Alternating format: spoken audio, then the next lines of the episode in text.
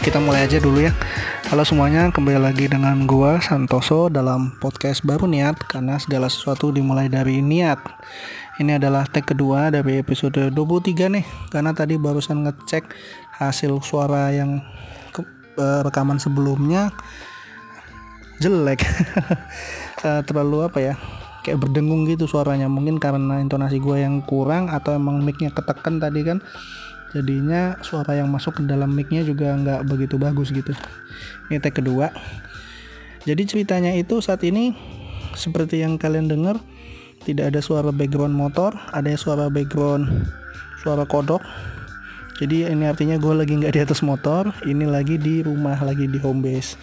Jadi ceritanya untuk episode 23 kali ini kita sebut nama episodenya dari rumah. Kita jadi kita saat ini posisinya sedang di home base di Lampung. Kenapa? Ya karena gue lagi liburan gitu kan. Di akhir tahun ini gue ngambil cuti untuk tanggal 20 yang kemarin seharusnya cuti bersama. Jadi hilang kan. Terus jadi ya udah kalau gitu gue cuti aja gitu. Bikinnya gitu.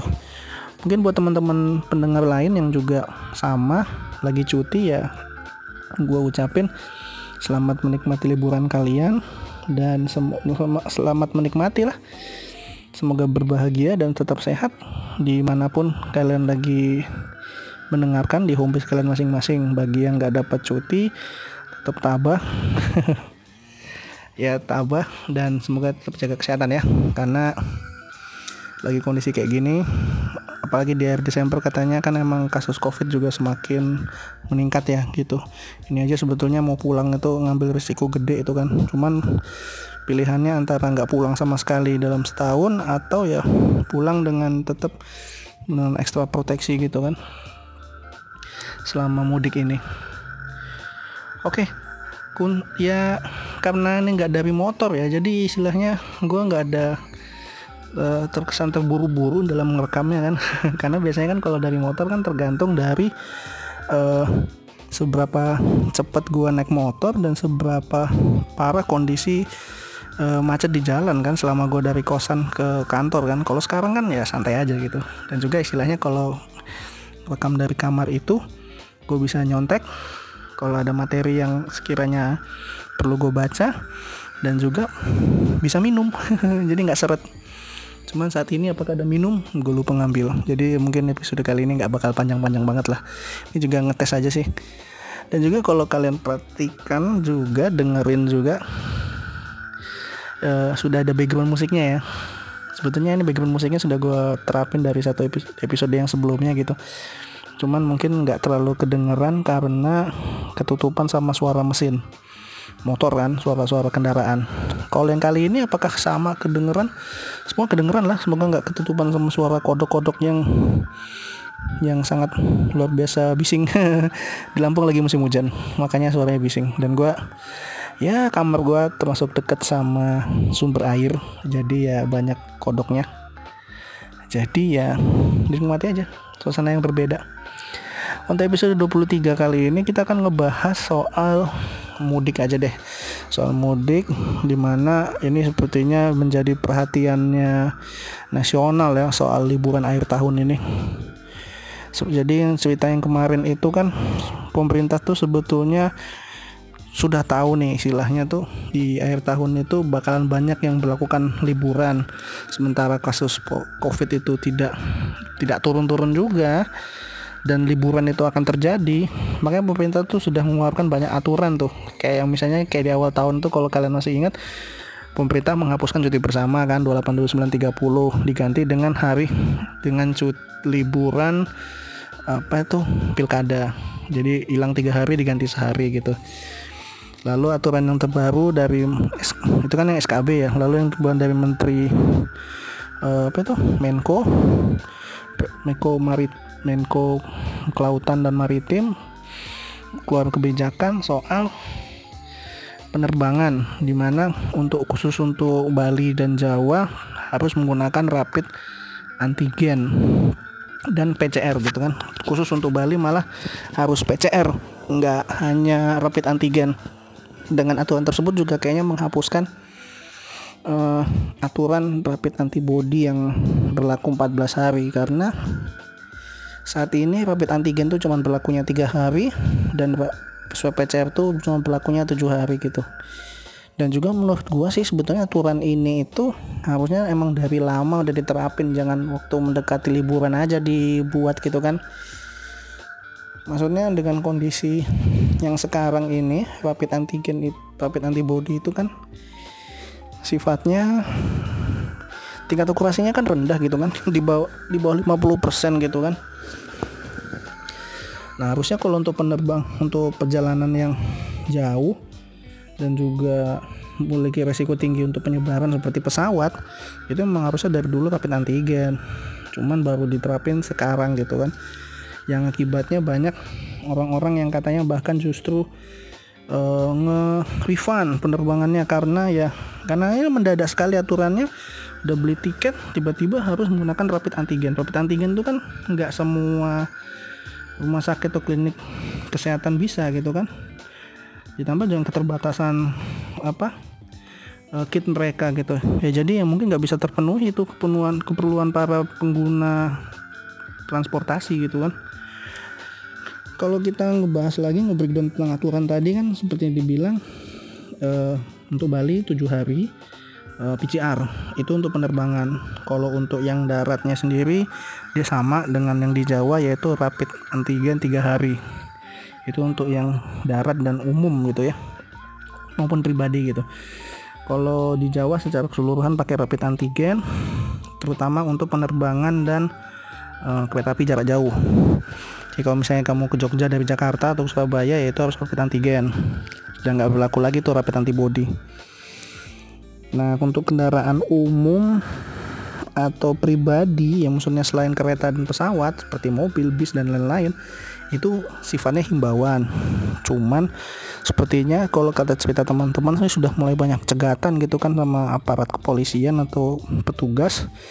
Di mana kalau misalnya kita mau perjalanan jauh dan tidak ada surat rapid uh, rapid antigen kita negatif seperti disuruh pulang gitu.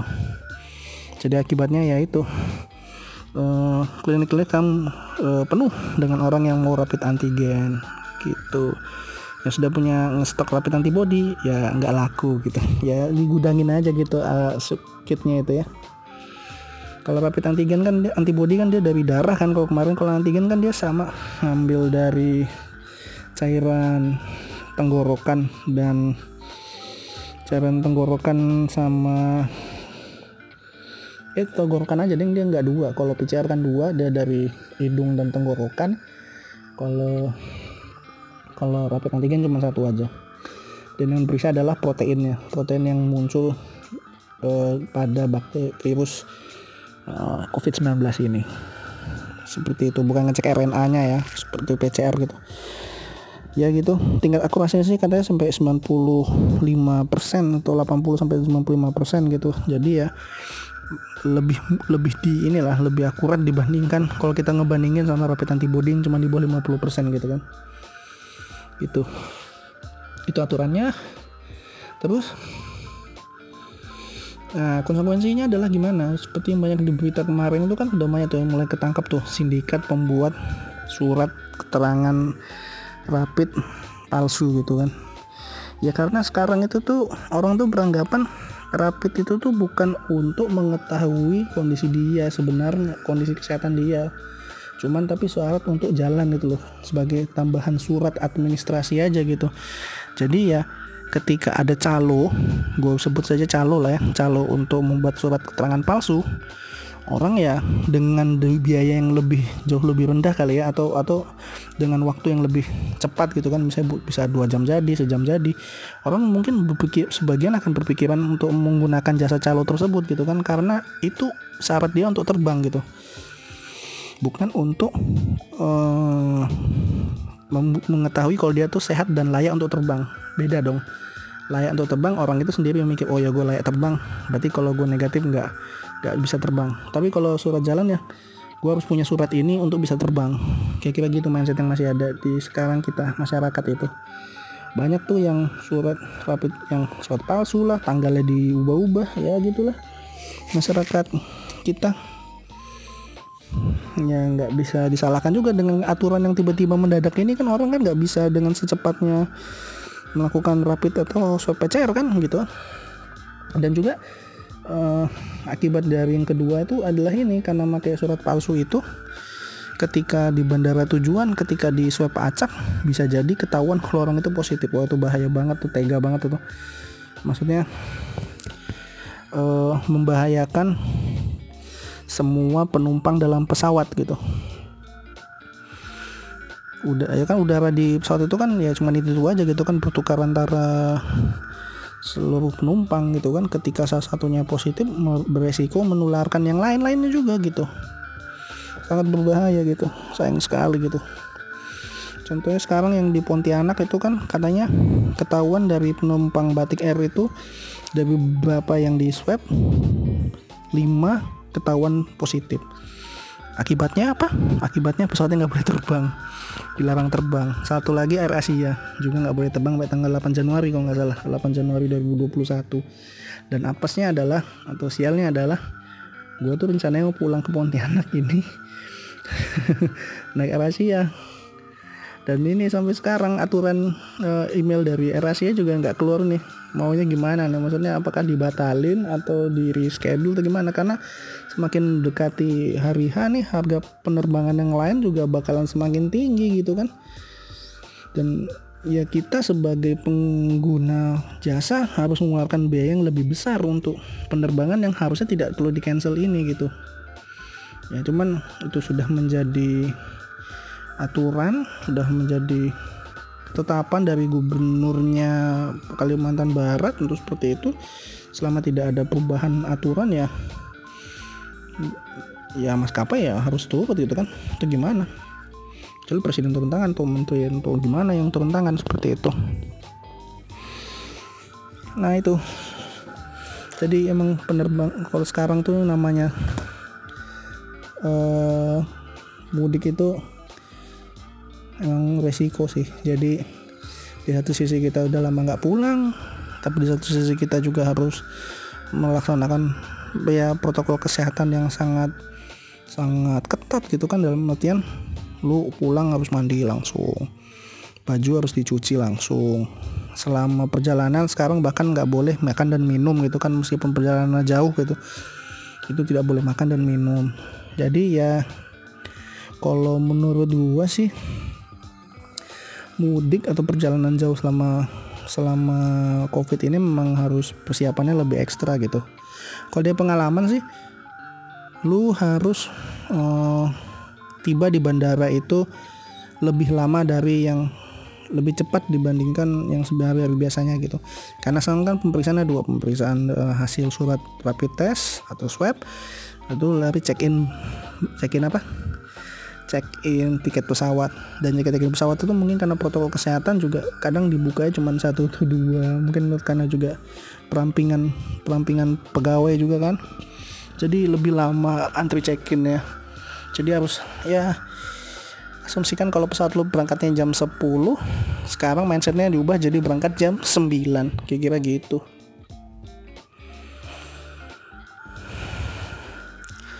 Ya sama kayak gue ke Lampung kemarin tuh hampir hampir telat itu.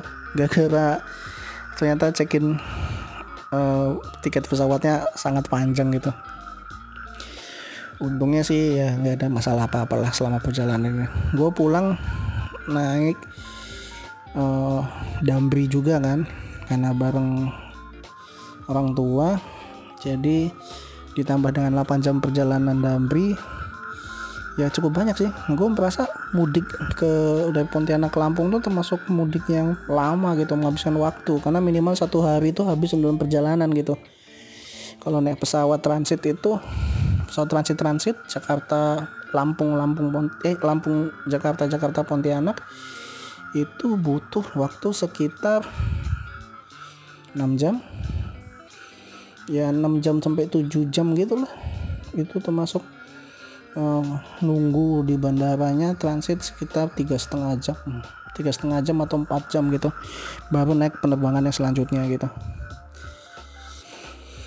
Ya mau gimana? Ya itulah yang harus di uh, ambil resikonya. Gue nggak mau ngambil resiko pindah maskapai sih soalnya pindah maskapai itu repotnya adalah harus cekin ulangnya itu. Cekin ulangnya tuh panjang dan prosesnya tuh bisa sejaman sendiri gitu. Gue jadi berpikir lah mending transit aja lah yang tidak maskap nggak ganti maskapai jadi tinggal langsung naik lagi. Cekin terus langsung ini langsung nunggu di ruang tunggu gitu kan. Dibandingkan harus lama di proses ngantri ngambil bagasi dan lain-lainnya itu. Aduh capek banget gue ngebayanginnya. Gitu jadi ya mau nggak mau harus harus mengeluarkan ekstra biaya lah kalau menurut gue untuk pulang ini. Cuman karena nih pulangnya juga sifatnya setahun sekali ya keluarkan biaya lebih ya termasuk resiko yang harus kita ambil. Dan mungkin tahun depan juga kalau misalnya kondisi pandemi kita eh, nggak uh, turun dan kemungkinan besar gak bakalan turun juga sih kayaknya nggak bakalan mendatar tuh. Apa itu kurva penyebaran itu sepertinya bakalan hal yang sama juga yang terjadi di tahun 2021 gitu. Alias uh, penerbangan dipersulit cuti diperparah terus apa-apa nggak diperbolehkan gitu kan. Jadi emang harus mengeluarkan biaya uh, nyiapin anggaran untuk pulang itu lebih besar lah dibandingkan yang tahun ini. Kayak gitu ini karena di Lampung lagi ini sih ya juga zona merah gitu ya. Kayaknya semua ibu kota provinsi itu zona merah lah ya. Aslinya tuh gue tuh pengen wisata kulineran di Lampung itu. Karena emang ada rencana mau wisata kuliner kan mau ngebagi-bagi informasi sama kalian juga. Kira-kira mana tempat yang enak untuk jajan di kota di kota Lampung itu kota Bandar Lampung. Cuman karena juga ya ada keperluan di sini cuacanya yang sama aja yang gelap hujan-hujan terus terus yang zona merah menyebabkan gue jadi nggak bisa keluar keluar keluar nih. Biasanya kan malam-malam keluar nongkrong gitu kan. Ini nggak bisa lagi. Gue juga jadi males itu kan. Karena zona merah. Ngeri coy.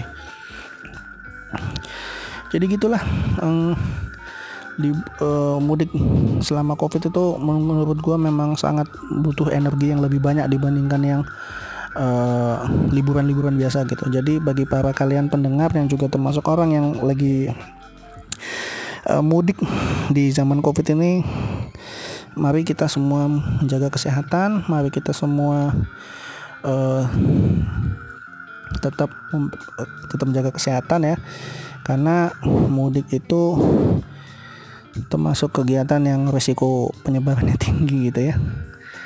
Kira-kira gitu soal mudik mungkin nanti ini tanggal 27 Oh ya, bagi teman udah lewat tanggal Natal ya, tapi gue mengucapkan bagi teman-teman yang yang merayakan Natal, gue mengucapkan selamat merayakan Happy Natal. Uh, bagi kalian yang hmm, tahun depan minggu ini cuti, selamat menikmati liburan cutinya. Bagi yang belum cuti ya tetap tabah dan tetap kuat menjalani ketidakcutian kalian insya Allah nanti diganti dengan dengan cuti yang lain. Paling kan juga nanti kan prioritas untuk cuti tahun depan kan kalian yang dapat duluan gitu kan dibandingkan kami kami yang sudah cuti duluan gitu. Uh, mungkin itu dulu. Uh, untuk jadwal ya oh iya ini kan tanggal 27 hari Minggu mungkin ini episode 23 ini kan gua rilis tanggal 28 terus tanggal 30 Januari 30 Desember juga episode 24 satu episode lagi terus episode 25 itu gue bikin emang episode tahun baruan. Dan itu akan dibuat mungkin diupload tanggal Jumat Jumat pagi atau ya pas pertengahan 00 gitu kan biar biar mantap gitu kan. Biar, biar mengganti tahun ganti suasana gitu kira-kira gitu. Ya semoga sampai akhir tahun ini kita diberikan kesehatan masih empat hari masih punya waktu yang panjang untuk perubahan ini. Kita nggak tahu nih empat hari tadi ada kejutan apa di tahun 2020 ini. Semoga tidak tidak ada dengan semuanya. Baik-baik saja untuk kita semua. Untuk episode kali ini gue cukupkan sekian. Gue Santoso dari podcast baru niat. Sampai jumpa